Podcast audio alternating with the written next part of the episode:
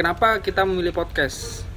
Salah satu bentuk improvisasi media saat ini itu ada di podcast. Podcast Persami tujuannya untuk mengkonstruksi logika berpikir kita. Harap Cukup kita dengerin podcast ini di kantor, di rumah, di mana pun. Nggak perlu dengerin podcast ini sampai diputar di persidangan.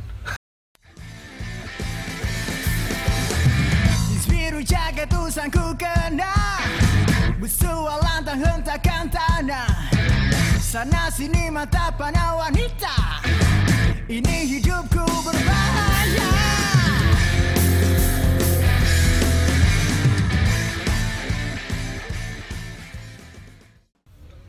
Halo, kembali lagi sama podcast Persami. Podcast pertemuan Sabtu Minggu. Ini jadi episode ke-8 Sekaligus sekaligus jadi podcast penutup, episode penutup di season 1 kita. Nah, di sesi ini atau di obrolan ini kita akan membahas podcast Persami itu apa sih sebenarnya sama kenapa kita memilih podcast. Nah, terakhir nanti akan ada eh, beberapa gabungan-gabungan atau Clips. garis besar lah dari podcast kita episode 1 sampai episode 7. Nah, langsung aja kita mulai. Podcast Persami itu apa sih? Menurut ayo, ayo. kita masing-masing Dari siapa dulu? dari A. Acil. Oke, halo semuanya.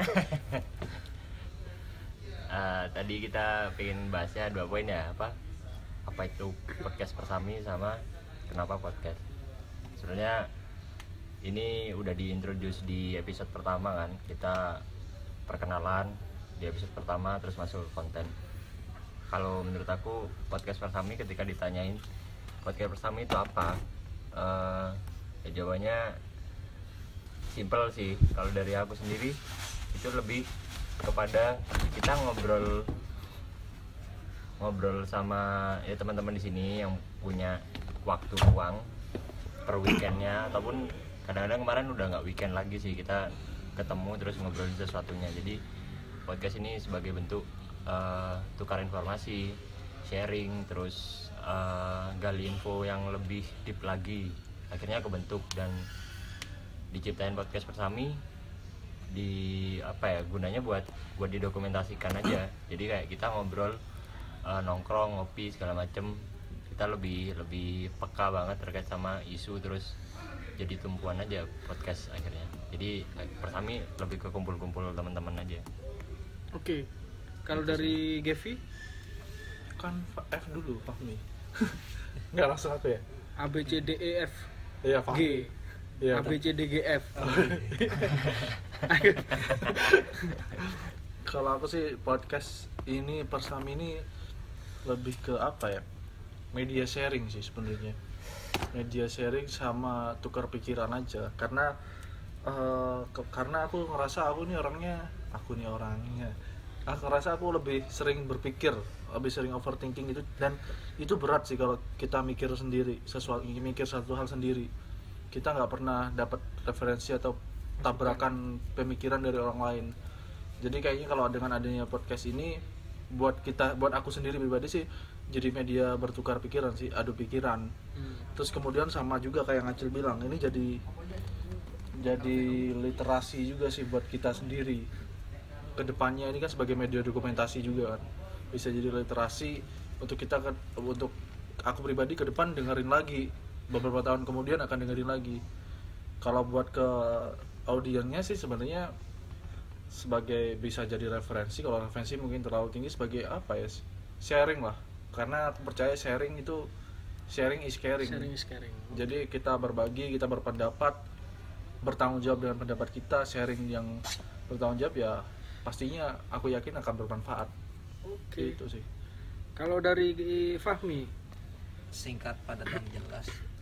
Media informasi dan obrolan aja. Jadi bersama itu kalau menurutku eh, kita sebagai media pembelajaran buat terutama buat aku sendiri pembelajaran karena kalau aku sendiri tuh kayak orang yang males buat nyari informasi Hmm. kalau saya. Jadi ketemu dengan temen ini ada informasi baru akhirnya eh, aku sendiri mulai menggali tersebut. Apa isu sekarang atau apa info sekarang? Nah itu.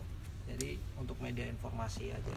Oke. itu Nah, kalau dari aku sendiri, Persami itu eh, salah satu bentuk eksistensi kita atau ya eksistensi lah di dunia era digitalisasi ini untuk mengekspresikan pendapat atau pemikiran yang dikemas secara santai, secara obrolan tongkrongan lah. Masuk masuk. Itu. iya sih soalnya semua semua di post semua di ini. Tapi gimana nih kita kayak tanggung jawab nggak sama apa yang kita obrolin sampai-sampai didokumentasiin terus di share ke orang kan Iya. media berbagi juga lah ya harapannya kan eh, mengiris eh, ada yang mungkin satu pemikiran sama obrolan kita atau mungkin obrolan kita dirasa oh Related. iya Related. apa ini udah dibahas di apa waktu-waktu sebelumnya atau mungkin ada yang belum tahu juga itu juga harapan besar kita juga dapat respon dari sana kan. Mm. sejauh ini sih nggak tahu kalau persami sendiri udah ini nggak dapat? Insight. ya dari luar. Kalau aku sih dari teman-teman sendiri ya terima kasih sih yang aku nge-share aku bikin ini terus kita bikin ada uh, feedbacknya. feedbacknya walaupun secara personal ya kayak ke circle temenan sendiri teman-teman sendiri. Nah, jadi kalau boleh dipersingkat, jadi persami itu menurut kita adalah eh, suatu pembentukan logika berpikir dengan memberikan eh, suatu sudut pandang point of view ya point of view yang berbalut obrolan ala tongkrongan. tongkrongan Oke, jadi itu sih esensi dari podcast itu sendiri. Iya, iya. soalnya berangkatnya kan awal kita santai kan Hmm. ya kita ngapain nih malam minggu masa gini-gini aja? Ya dulu itu historinya kan gini-gini Iya, aja ya? biar gak gini-gini aja. Ah Oke. itu. Tapi akhirnya nemu nama yang lebih Ah, ah. Ya ya benar benar. lebih Waktu familiar eh lebih enak didengar lah. Iya. lebih menjual lebih menjual. Oh lebih menjual. Menjual. Lebih menjual. Karena kalau kapitalis. gini gini aja itu kayak ya kita ya udah gini gitu kan. Tapi kalau kita berubah jadi persami ada nilai jualnya. Us, mantap. Nah, terus? Pak Fahmi. Pak Bokep kenapa kita memilih eh, media, media, podcast? apa memilih podcast sebagai media kita untuk sharing? Kenapa tuh? Banyak sih poinnya iya. Kenapa podcast? Karena kalau menurutku sih eh, salah satu bentuk improvisasi media saat ini itu ada di podcast. Jadi kalau TV sekarang improvisasinya kan YouTube sedangkan radio improvisasinya ya podcast. Kalau TV kita disediain channel disediain apa tayangan entah kita suka apa enggak kita disediain. Kalau YouTube kan kita milih. Hmm. sama kayak radio dan podcast. Radio ini kan kita dengerin apa yang disajikan kan? Bukan kita memilih. Nah podcast kalau ini podcast kita bisa milih kita bisa lah. milih. Salah satu bentuk improvisasi itu. Dan podcast itu nggak ribet sih nggak seribet you- bikin konten YouTube. Iya benar. Baik dari Sebenarnya, si- segi- apa ya?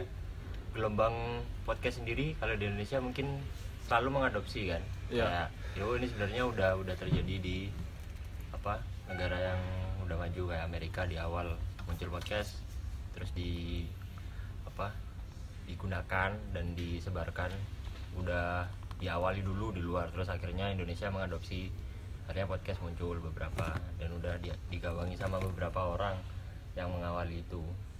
Bukan kalau aku sih mikirnya bukan kita eh, sok untuk wah podcast aja nih soalnya jarang. Jarang atau mungkin terlalu pengen jadi edgy banget pengen kekinian banget. Enggak sebenarnya. Sebenarnya ya, hal yang lebih esensial banyak di podcast. Ya, salah satunya tadi itu mungkin pergeseran eh, media dari yang improvisasi. Ah, di dikegili sama waktu. Akhirnya orang pengen yang esensial aja dan isi itu use. Iya. gampang banget buat konsum aku pengen ini nggak usah berdasarkan pilihan mereka aja. Akhirnya ya podcast juga masuk ke sana. Sebenarnya banyak juga yang lain. Mungkin yang lain bisa ngasih ini sih. tapi podcast sudah mulai rame so lo sekarang. Ya, udah mulai lebih dikenal lah istilahnya. Ya. Misalnya aku yakin juga yang apa ya aku bilangnya eh, penggunaan lagi. Soalnya feature kan lebih ini ya lebih enak banget. Atau ketuntut buat ngobrolin waktu lah. Nah, Hmm. waktu itu kan juga kadang-kadang kita membaca kita melihat selalu channeling. Dalam artian channeling nih kita bertumpu ke harus lihat ya udah diem. Kalau podcast kita beraktivitas itu cuman pendengaran aja kan. Dan tidak orang- gampang ah, ah, terdistraksi. tidak terpaku gitu loh kita. Iya. murah akhirnya murah, ah, ah. aksesnya enak. Kalau menurutku Murah. murah. ada suatu waktu mungkin untuk future nggak tahu future ini kapan akhirnya bisa bisa jadi acuan juga podcast. Maksudnya bisa jadi puncak orang untuk mendengarkan informasi ke depannya gitu. Dan juga tadi itu yang apa, murah tadi itu ya, murah murah Nggak banyak biaya. nggak banyak biaya lah. Nggak usah pakai kamera. Paling ya record biasa. Paling record pakai HP bisa pakai apa pun bisa gitu kan. Dan dari sisi orang yang dengerin juga Eh, nggak butuh penggunanya juga ah, nggak butuh kuota banyak atau ya bisa di download dan nanti didengerin Kapan berulang aja. kali gitu kan. Bisa dengerin kapan aja. Nah kalau dari aku sendiri sih eh, kenapa podcast? Kita jadi fokus ke konten gitu. Kenapa? Iya. karena eh, kalau misalnya kita bicara entah itu YouTube terus atau media Instagram terus ya yang ber- eh, visual lah. Ada visualnya. Ada visualnya itu lebih fokus ke apa yang ditampilkan gitu. Orang jarang fokus kepada kontennya. Nah kalau di podcast itu ya udah nggak peduli siapa yang ngomong entah itu siapa pun yang ngomong tapi kalau kontennya Oke. bermanfaat kontennya ya banyak related dengan sesuatu hal itu pasti dia akan ya bisa berguna lah. Nah kenapa eh, konten itu jadi fokusnya kalau di podcast? Ya karena kita kita di sini sebenarnya siapa sih kita? Kita cuman sharing aja. Sharing berdasarkan baik itu yang kita punya data terus kita juga menganalisa kita. dari dari ya dari point of view kita kita analisa dan kita berani untuk sharing itu dan kita mempertanggungjawabkan apa yang kita Share. sharing. Iya sajiannya akhirnya Sajiannya- berbuah. Mm, ini apa namanya? Sound apa sih? Sound suara. Audio. Audio kalau- audio. kalau ini kan kalau YouTube itu eh, kalau YouTube ada tampilan visual tuh orang gampang terdistraksi. Ya, subjektif akhirnya. Jadi kayak ngelihat orangnya dulu. Hmm. ya siapa nih yang ngomong? Ngeliat tampilannya dulu. Iya. jadi konten istilahnya agak ke tersisih. Ya bisa ya contohnya kalau misalnya kontennya sama nih atau eh, yang dibicarakan sama tapi antara si A sama si B lebih influence si A nih Oh, pasti orang terkenal. lebih percaya sama omongan si A padahal esensinya si B lebih dapat nih. Iya benar.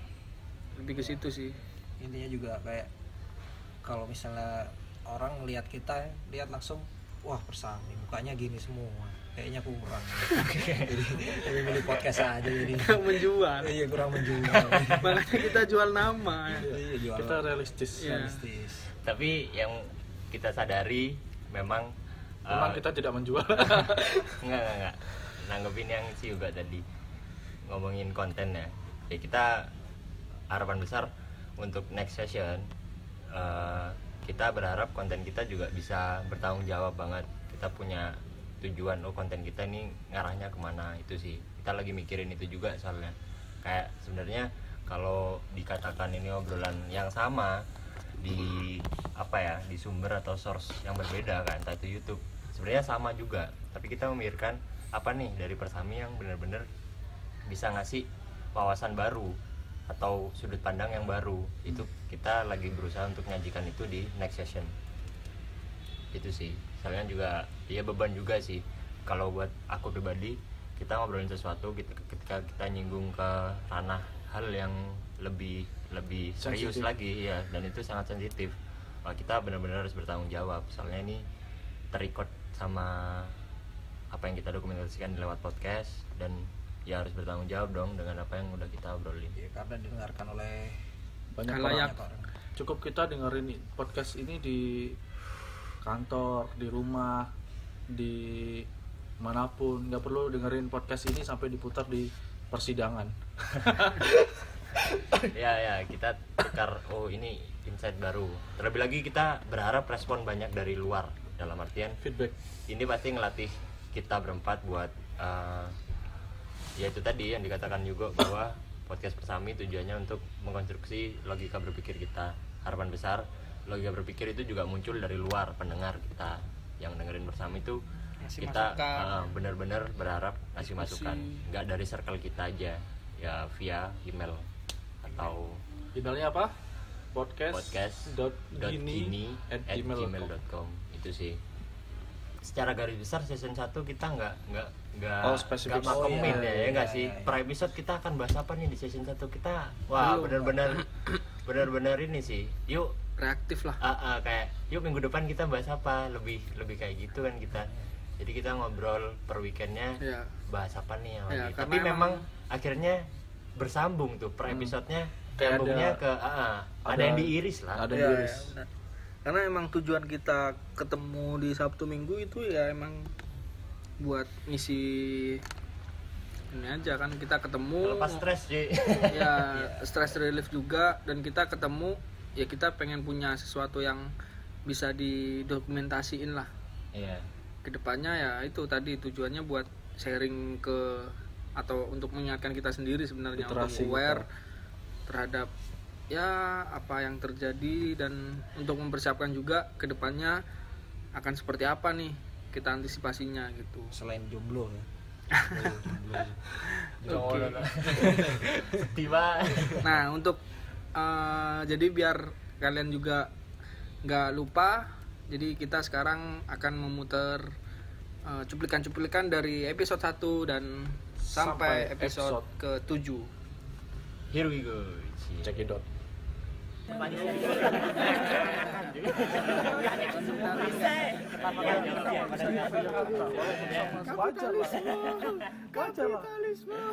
bahasanya Enggak, enggak usah kita. Bukan masalah ini. enggak bukan masalah itu Bukan oke. semuanya. Halo, balik lagi sama kita. satu kalimat Iya nggak sih? ya masih belum terkenal kalau misalnya, padahal eh, memang konteksnya nggak negatif sih cuman kan lima kelima ya kelima itu namanya itu apa Halo semuanya. Di podcast Persami Pertemuan Sabtu Minggu. Halo semuanya. Eh, saya Yugo. Ceritanya merantau. Enggak enggak. Jangan ngomong politik. belum pernah mikir akan kerja seperti saat ini seperti sekarang di Jakarta lagi. Setelah kuliah ya naluri aja sih. Orang setelah lulus kuliah tuh pasti nyari kerjaan kan? Istilah kerennya sih budak korporat sih. Ini gerak semua.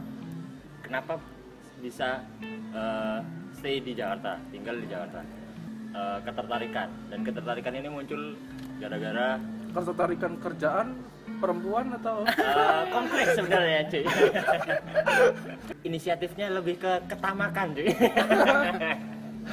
Ketamakan finansial padahal nggak sih sebenarnya. Wajar lah. Wajar lah Eh, ini ya bukan mensuperiorkan pemikiran orang-orang Jakarta.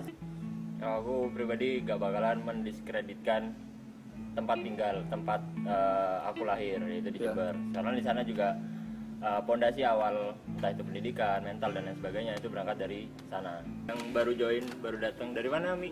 Eh, kebetulan dari kantor Oke Terus ini masih lembur enggak jadi tidur aja ketiduran di kantor yang habis pulang kuliah sangat terbentur sekali itu sangat terbentur ya itu sekali. itu te- merupakan paling bagian kultur shock juga apalagi dia. dulu SMA kan ngomongnya kasar banget teman lain kan udah pernah ngerasain ngerantau ya kan baru sehari aja udah langsung homesick ya kan baru sehari ini kapan balik Jadi kita bahasnya yang podcast pertama ini merantau ya. Cuman merantaunya jauh nih antara merantau pekerjaan, merantau tadi masuk ke hubungan sama orang lain juga ya Jangan tunda besok kalau bisa dikerjain lusa.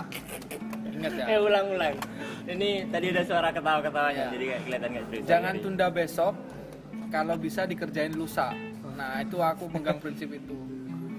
Semenjak aku kerja di Jakarta, itu gak berkaru. itu tidak bisa. Tidak bisa. Di Jakarta tidak bisa kamu nggak ngapa-ngapain seharian nggak bisa.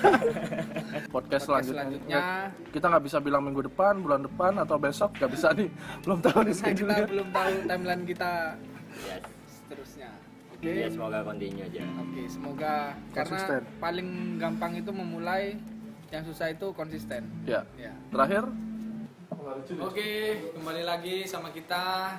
Hari ini kita akan membahas game di rumah. Kayak orang-orang depresi. Nah, itu tentang quarter life crisis. Apa sih sebenarnya quarter life crisis itu kok? Itu seperempat seperempat life itu hidup krisis adalah krisis krisis ya. krisis krisis kehidupan seperempat kita tidak akan pernah melupakan Google ya. Jadi dibaca dari Google nih, quarter life crisis adalah masa di mana seorang yang berusia 25 tahun mempertanyakan hidupnya. Di masa ini yang merupakan puncak kedewasaan seseorang, orang mulai meninjau kembali masa lalu, apa yang telah dia lakukan, apa yang di- telah dia dapatkan dan bagaimana kehidupan di masa datang. Nah, kadang orang itu usia 25, dia nanya ke dirinya sendiri. Aku udah 25 tahun, tapi gini-gini aja. Kok gak ada apa yang salah sama diriku? Kita nggak pernah diajarin gimana rasanya gagal.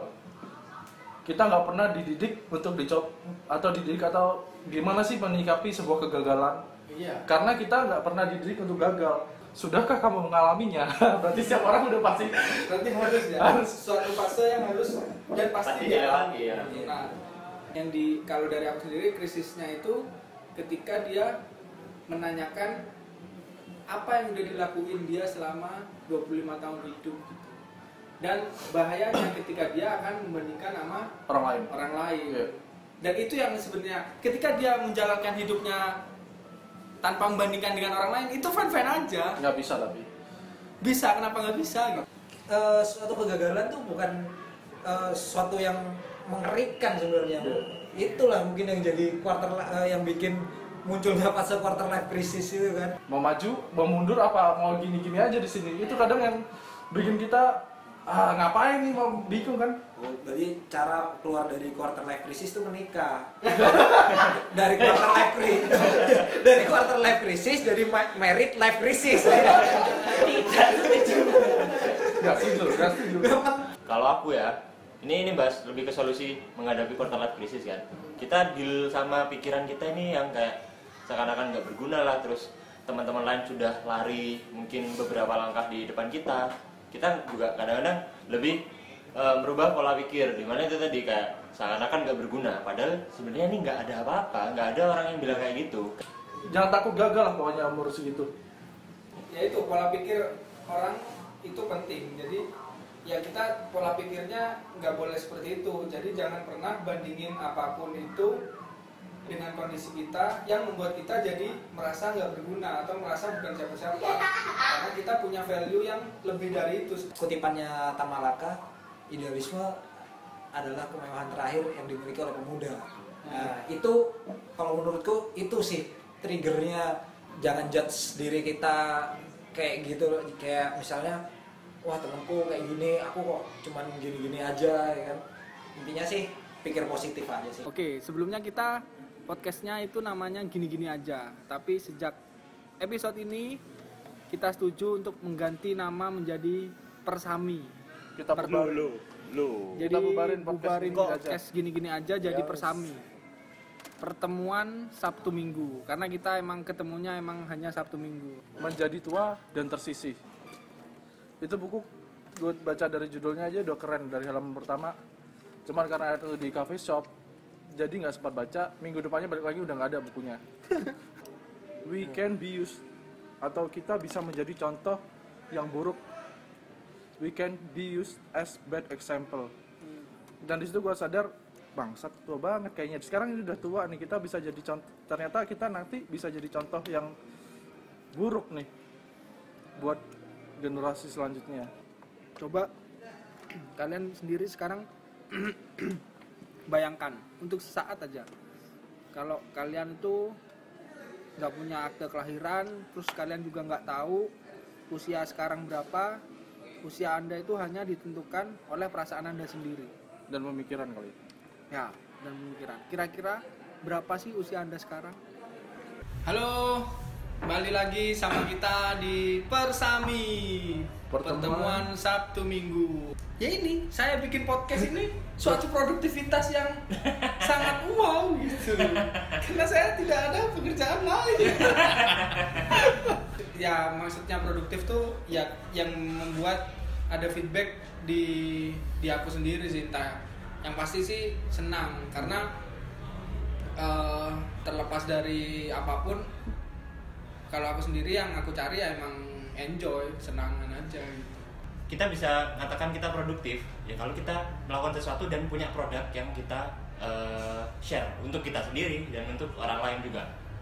Ya simple sih. Produktif tuh kalau dari ilmuku yang aku dapat itu proses dari merubah input menjadi output. Aktivitas memproduksi intinya gitu kan.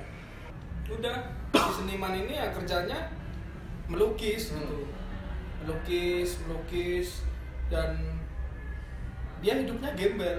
Istilahnya gembel ya seadanya aja. Makan ya makan seadanya uang terus ya menurut dia itu produktivitas dia. Tapi menurut orang-orang sekitar itu wah ini orang nggak produktif banget hidupnya. Nyusahin bla bla bla segala macem. Iya. Kalau dia nggak menghasilkan eh, dibilang produktif nggak? Ya standar apa sih yang bisa diiris? Orang bisa dibilang produktif pasti kebanyakan ya bakal bilang materi. Sekarang juga di sosmed tuh banyak orang bilang orang-orang kerja budak korporat istilahnya itu orang-orang yang nggak produktif masa Hah? Wah, terus? Dan itu ya kok ada orang berpikiran seperti ini Iya. gitu loh. Eh, dia ngiris oke dia dapat feedback ke materi tapi kesenangan nggak dia? Iya. Nah bisa jadi itu Iya, iya, yang iya. jadi iris lo lo nggak produktif produktif itu harus sama rata standarnya ada ke materi iya Nah, ke sebenarnya mental iya. kesehatan iya Berarti itu itu baru- anggapannya produktif itu harus dua dong produktif itu harus dikomben antara kesenangan dan materi gua ngelakuin itu juga jadi cara substitusi itu tadi tapi dengan cara Yang Iya. Tapi dengan cara substitusi itu. Ya jadi gua Senin sampai Jumat kerja dapat materi uang, Sabtu minggunya happy happy dapat outputnya seneng dong. Itu sih. Satu pilihan atau satu produktivitas yang kamu lakukan itu harus mengiris standar yang udah jadi eh, ada di masyarakat. Contohnya tadi kamu bisa mengirisnya dengan outputnya uang, mengirisnya dengan kesenangan. Jadi kayak seakan-akan kamu melakukan produktivitasmu juga senang dan juga Dapat uang. dapat uang. Tapi aku ngerasa kebanyakan fakta di lapangan juga nggak nggak sukses itu mungkin yang bisa menjalankan eh, bisa menghasilkan materi dari suatu produktivitasnya. Kalau itu menurutku eh, kalau orang sukses menurutku karena dia bisa menjalani eh, suatu kesenangan Hmm. suatu hobinya eh, menjadi sebuah ma- ma- materi. Iya. kalau itu menurutku memang memang satu jalan lah. Jadi produktivitas itu berarti menghasilkan materi dan kesenangan kalau menurutku ya. Jangan kamu melakukan hal yang eh, nggak punya feedback ke kesenangan, walaupun itu uang besar. Iya kan? Oh, oke, Maksudnya ke oke. materi besar. Ah. Ya itu itu itu jadi jadi stigma baru di sosial sekarang. Contohnya anak muda bilang, wah cuma cuy kamu kerja di korporat gaji besar, tapi kamu nggak bisa menikmati. Heeh. Yakin itu produktif lah. Lu harus yakin, lakuin aja terus. Jadi kebiasaan apa? Pros, ber- berproses lah. Lakuin terus secara konsisten, secara persisten. Gue percaya persisten tuh atau gigi tuh punya momentum sendiri, men.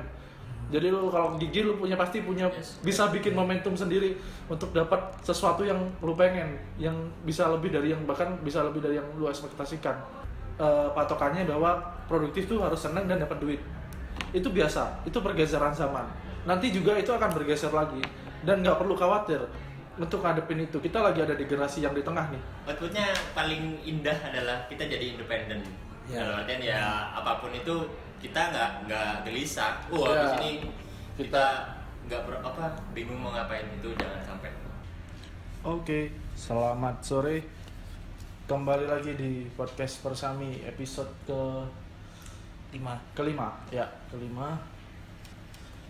Eh, kali ini kita bertiga doang, karena AI itu robot ini kita menuju ke sana nih. Cuman artificial intelligence ini kan eh, ini ya kayak apa namanya komputer pintar lah apa sistem yang pintar lah sistem Iya. yang yang bisa Kecer- berpikir sendiri lah kecerdasan buatan. kecerdasan Yes, buatan ya kecerdasan kecerdasan buatan. buatan Ya, itu kan mungkin akan menggeser tugas dari manusia Bener. ini semua kayak gitu kan dulu maksudnya mesin kan juga gitu Iya, sama. replace Ojek online tuh benar-benar merubah persepsi, merubah zaman, merubah segalanya menurut gua. dia kalau misalnya memang suatu sistem Gojek itu yang dinamakan AI berarti dia masih bisa meng- mengkombinasikan antara AI dan Orang orang manusia soalnya dia mungkin sistemnya menggunakan AI tapi yang datang manusia tapi nggak tahu nantinya di masa depan kita pakai Gojek ya kan dia sistemnya AI terus yang datang ternyata robot Robot, robot itu tadi. Bisa jadi. bisa jadi gitu kan mungkin. mungkin. Iya, kita pakai Instagram, pakai Facebook itu udah algoritma artificial artificial Ya, intelligence-nya udah ada. buatan itu tadi ya Udah ada. kita udah mengkonsumsi itu Iya, kita udah konsumsi itu. Terus lo kalau ngadepin dengan adanya pergeseran, kita sepakat lah, ada pergeseran kan, ada perubahan ya zaman. oke oke itu udah Ada di accept sama kita Iya, kan kita ada ada pergeseran itu.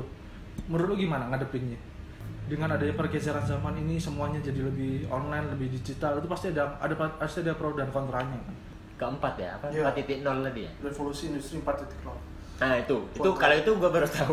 Dalam artian baru tahu ya memang, oh ternyata dideklarasi secara Iya. mutlak, sam- secara global kan. ada juga yang Triugo pamit ya. dari Instagram Amin ke podcastan hari ini. Gua, sorry, dulu gua kontra sama itu. Maksudnya orang ngapain sih detox sama Instagram? Kan tinggal lu pilih aja mana yang lu suka, mana yang enggak.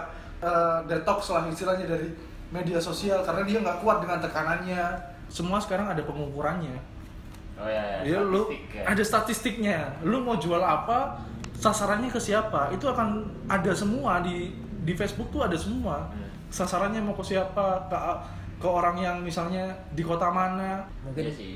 ada ini ya Se- sekarang kan bermunculannya perusahaan-perusahaan startup itu juga Ya. mungkin jadi Bisa pengaruh jadi. juga ya Iya. Soalnya memang kalau kita pengen sesuatu terjual kita harus menyentuhnya itu nggak melulu dengan online kita harus bertatap muka langsung Ya, ada. Ya, ada jadi kayak eh, oh ya pasti lah, oke oke. jadi tatap muka langsung itu esensinya lebih Dapat Hmm. gitu loh daripada online gitu mungkin Memang ada yang seperti itu. melihat mimik wajahnya gitu loh mungkin Iya, memang masih ada yang seperti itu masih ada sih.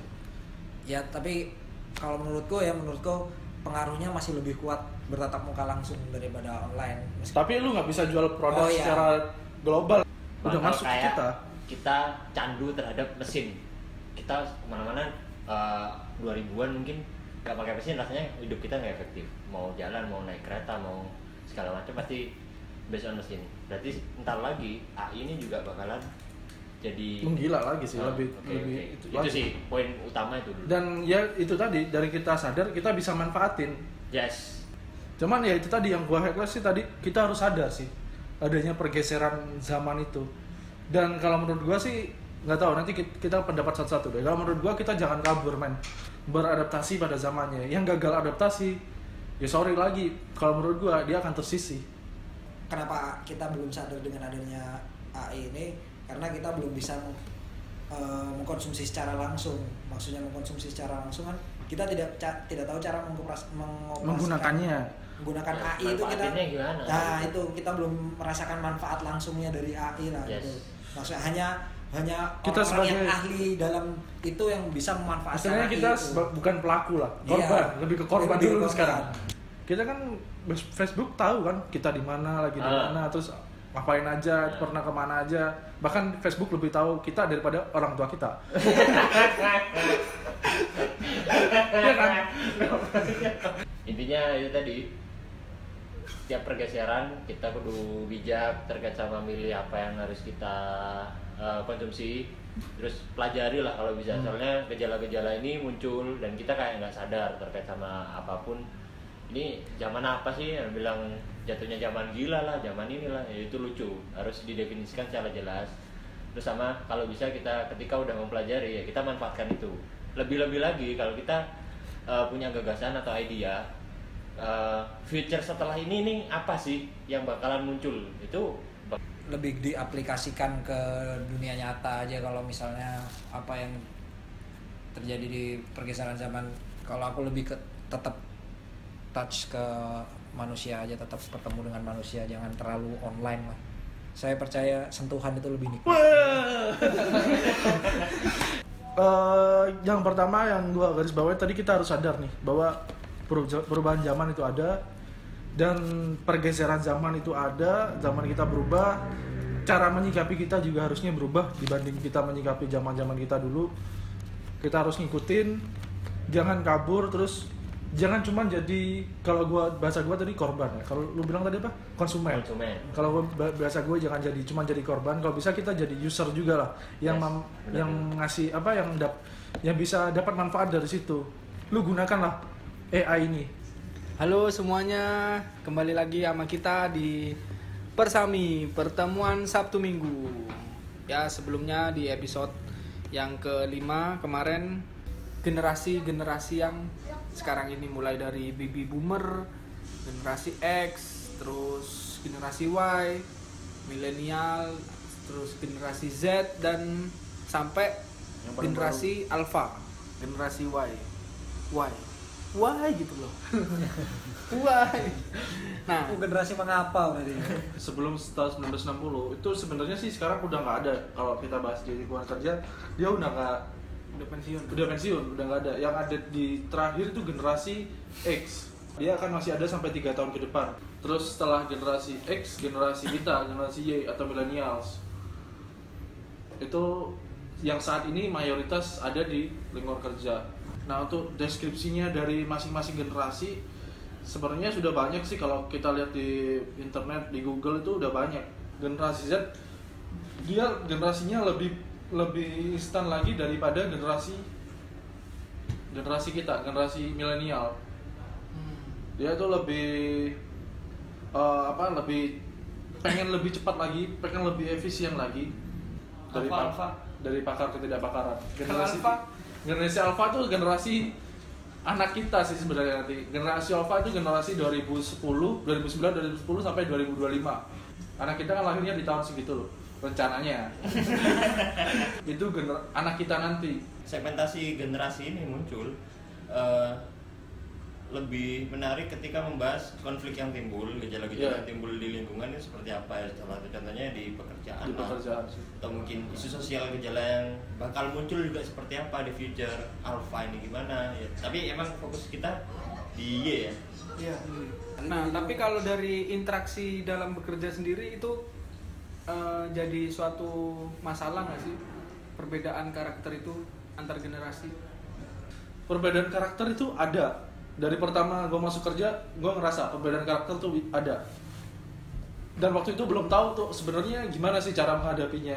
Cuman setelah berjalannya waktu gue akhirnya paham bahwa ada tingkatan jabatan ada eselon. Terus kenapa harus perusahaan juga harus merekrut karyawan baru walaupun sebenarnya dia nggak perlu-perlu banget.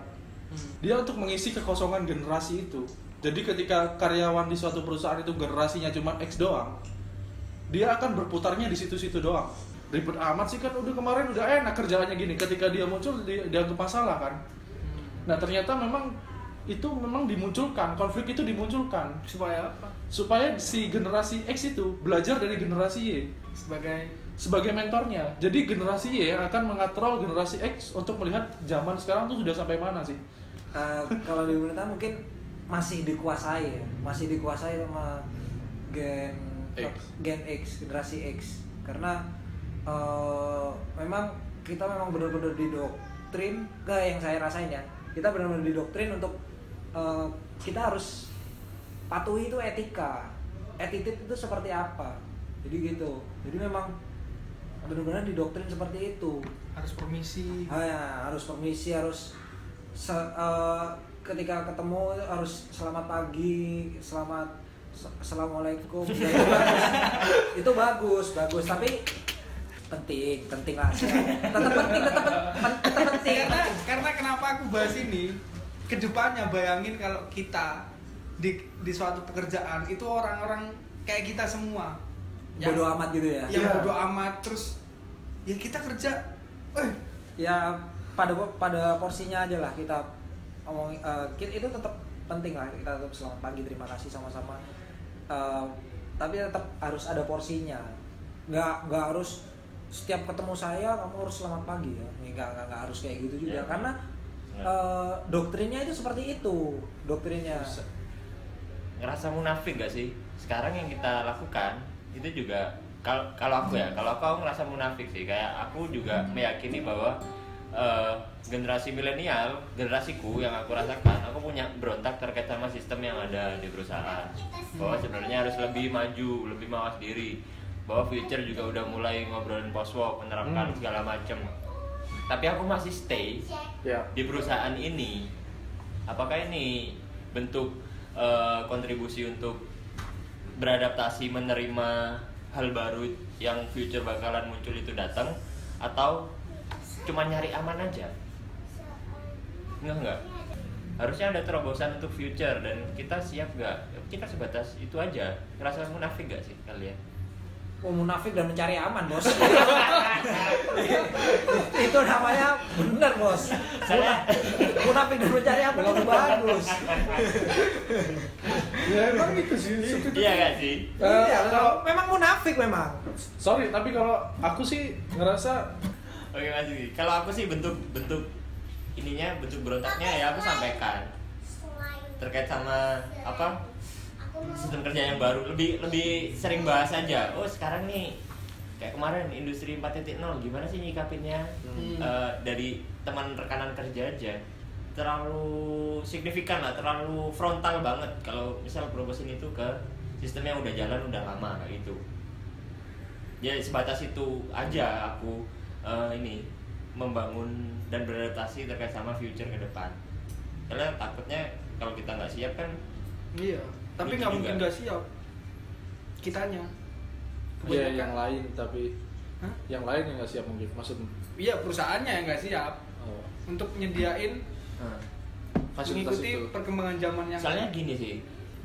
Akhirnya mau nggak mau ya udahlah munafik aja cuy. Tapi mau nggak mau tetap semua pasti menuju ke sana. Iyalah. semua pasti menuju ke sana. Tapi Iya, iya. kalau kita nggak ada di situ mereka nggak akan menuju ke sana gitu loh. kapannya itu yang kita nggak tahu ya. Tergantung Makanya perusahaan. kita ya perlu- mungkin karena kalau swasta kan istilahnya kapalnya nggak terlalu gede beloknya gampang. Nah kalau government mungkin kapalnya besar nih. Lebih besar dari negaranya sendiri malah kadang. Jadi beloknya mungkin agak lama untuk ke arah situ. Makanya eh, generasi Y perlu di situ untuk itu. Jadi sistem kerja di masa depan tuh akan lebih menarik sepertinya ya iya Iya. based on segmen generasi tadi kemungkinan nanti mungkin ada perubahan lagi sih dengan banyaknya generasi mungkin generasi eh, apa Z atau generasi Alpha akan me- menguasai mayoritas dunia pekerjaan pasti mungkin ada perubahan lagi cerdas dan kerja, Kerja lama lama. Oke. Halo semuanya, balik lagi sama kita di podcast Persami. Pertemuan Sabtu Minggu. kalau kalau menurutku simpul guru sih hal yang wajar sih dilakukan cuman menurutku lebih penting impornya bukan guru sih tapi sistem Menurutku sih itu salah satu apa ya? Salah satu cara untuk menghadapi industri 4.0 ini. Gitu. persiapan Persiapan seharusnya saya lupa, gue lupa di fakultas eh di universitas mana cuman dia bilang harusnya harusnya di kampus ini nih ada fakultas media sosial atau ada fakultas desain.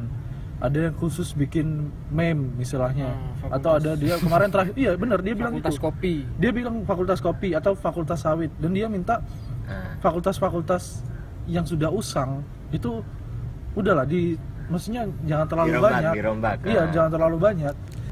Capek ya. gara-gara industri. Apa gara-gara pendidikan. Gara-gara itu gimana. Enggak, enggak, pendapatmu gimana pendapat dari tadi entah itu Ah. impor guru atau fakultas lebih ke pendidikannya sih pendidikan Nah, secara kalau masalah impor guru ya kadang guru pun juga harus tahu bahwa dia tuh bukan satu bukan satu satu bukan satu-satunya sumber yang Bukan punya satu-satunya sumber. informasi Nah, saya sebagai anak pang saya bangga Oh. itu. Karena dari dulu itu anak pang, anak pang misi apa? Visinya itu alam raya sekolahku, cuy. Wena. itu. keywordnya diadaptasi jadi apa pun itu entah pakai instrumen pendidikan atau pakai instrumen industri kita lagi ngapain sekarang di industri mana kita dinaungi segala macem ya adaptasi balik lagi kita mau adaptasinya gimana sih kalau Kenapa? karena menurutku ke depan semua itu sudah punya spesialis- spesialisasi sendiri-sendiri apalagi di bidang pekerjaanku Lah kan sekarang udah kuliah kan bener tapi kuliah kan terlalu global terlalu masih umum. global itu ya masih umum padahal udah pendidikan taraf kuliah dan dapat gelar sarjana tapi standar apa yang dibangun dia cuma sebatas untuk menjawab eh, sebuah problem di hadapannya itu apa dia secara global lihatnya Iya. oh kalau kalau kalau eh, problem ini muncul di belahan dunia lain atau di waktu ke depan Hmm. dia mikir sampai ke sana nggak Iya, iya. Ini-. Ini core dari pendidikan makanya pendidikan muncul distandatin sampai muncul pendidikan kalau menurutku itu Emang kita minderan tadi. Kayak misalnya nih, ada turis pakai batik. Yang bangga siapa? Ya kita dong harusnya Harusnya kita kan? Iya, iya. Eh, enggak lah. Harusnya bule yang bangga. Pakai batik using, kita. Iya. Ah, Iya. Oke. Itu kan salah satu apa ya mindset sebenarnya yang bikin kita nggak maju gitu. Kayak ada bule makan lontong gitu. Karena kalau misalnya ngomong apa keahlian atau spesi- spesialisasi itu pasti akan bisa dipelajarin. Iya. Entah Tapi- itu standarnya kayak gimana kita pasti bisa dipelajarin lah. Tapi kalau namanya Attitude. attitude, terus kayak Nah, kita- masalahnya itu balik lagi aku bilang tadi, guru kita sekarang tuh banyak. yang Ba- maksudnya guru anak-anak sekarang itu bukan cuma guru yang ada di sekolah, hmm, tapi dia punya guru di Twitter, hmm, dia punya guru di YouTube, panutan, panutan. dia punya panutan masing-masing. Paling penting yang harus punya buat ke depan tuh apa sih? cara nembak cewek cuy. Wah, Gak pernah diajarin ya kayak pendidikan agama tujuan kita adalah surga itu sudah. Eh, kayak tadi yang kayak eh, apa namanya cara flirting dengan cewek ya kan kenapa yang laris drama-drama Seperti Ya kan? itu. karena nggak ada pendidikannya gitu loh Iya. nggak ada nggak ada ku- eh, kurikulumnya karena memang apa ya, padahal itu Kalau aku ya udah itu pendidikan adalah sebuah instrumen pondasi kita sebagai manusia biar kita bisa ngelihat lebih luas lagi secara global seperti apa nggak cuma di sekitaran kita banyak ternyata yang bisa diulik Oke, itu tadi rangkuman dari episode 1 sampai episode ke-7 dari season 1 kita. Nah, harapannya kita ke depan akan Bisa lebih bisa lah. lebih baik lah dalam dari sisi konten, dari segi konten, dari si- segi penyajiannya. penyajiannya juga agar lebih menarik. Nah, kita juga butuh nih eh, masukan dari teman-teman yang udah dengerin baik itu udah dengerin 1 sampai 7 atau hanya dengerin episode ketiga aja atau itu nah itu bisa kalian email ke Podcast. podcast.gini@gmail.com itu sangat Bermanfaat ber- buat kita. eh, jadi masukan buat kita lah untuk ke depannya jadi lebih baik karena eh, Kita tahun terus- depan eh. kita berkomitmen untuk bikin season 2 season 2 itu ya kita berusaha untuk jadi lebih baik dan lebih menarik lah lebih bermanfaat. ya Jadi karena ka- kalau season 1 mungkin bermanfaat untuk kita sendiri, nanti season selanjutnya kita mencoba bisa lebih bermanfaat untuk orang lain. lah. Iya. Dari segi eh, konten yang kita sajikan, data-data yang kita sajikan, terus Yes. pemilihan kontennya, penyajiannya. ya Kita coba lebih men, meng- kalau bahasanya sih lebih men entertain oke pendengar. Karena emang di awal kita kan tujuannya emang hanya sekedar dokumentasi aja kita Iya. ngobrol-ngobrol kita sharing tukar pikiran kita rekam nah Secara sederhana secara sederhana ke depannya kita eh, Coba making lah. coba untuk punya konsep yang jelas lah gitu Making intinya itu lah. oke buat yang dengerin kita nih, guys. Si teman-teman guys uhui sih Eh, ada yang ingin disampaikan? Randy macong Oke. Buat teman-teman apa ya kali ya? Eh, selamat tahun baru, selamat Natal. Semoga tahun yes 2019 jadi lebih baik. Bisa lebih entah lebih baik atau lebih berbeda. Harapan dan resolusinya tercapai dan keinginan-keinginannya tercapai. Semoga tahun depan lebih nyaman lah untuk dijalani. Kalau dari aku sih.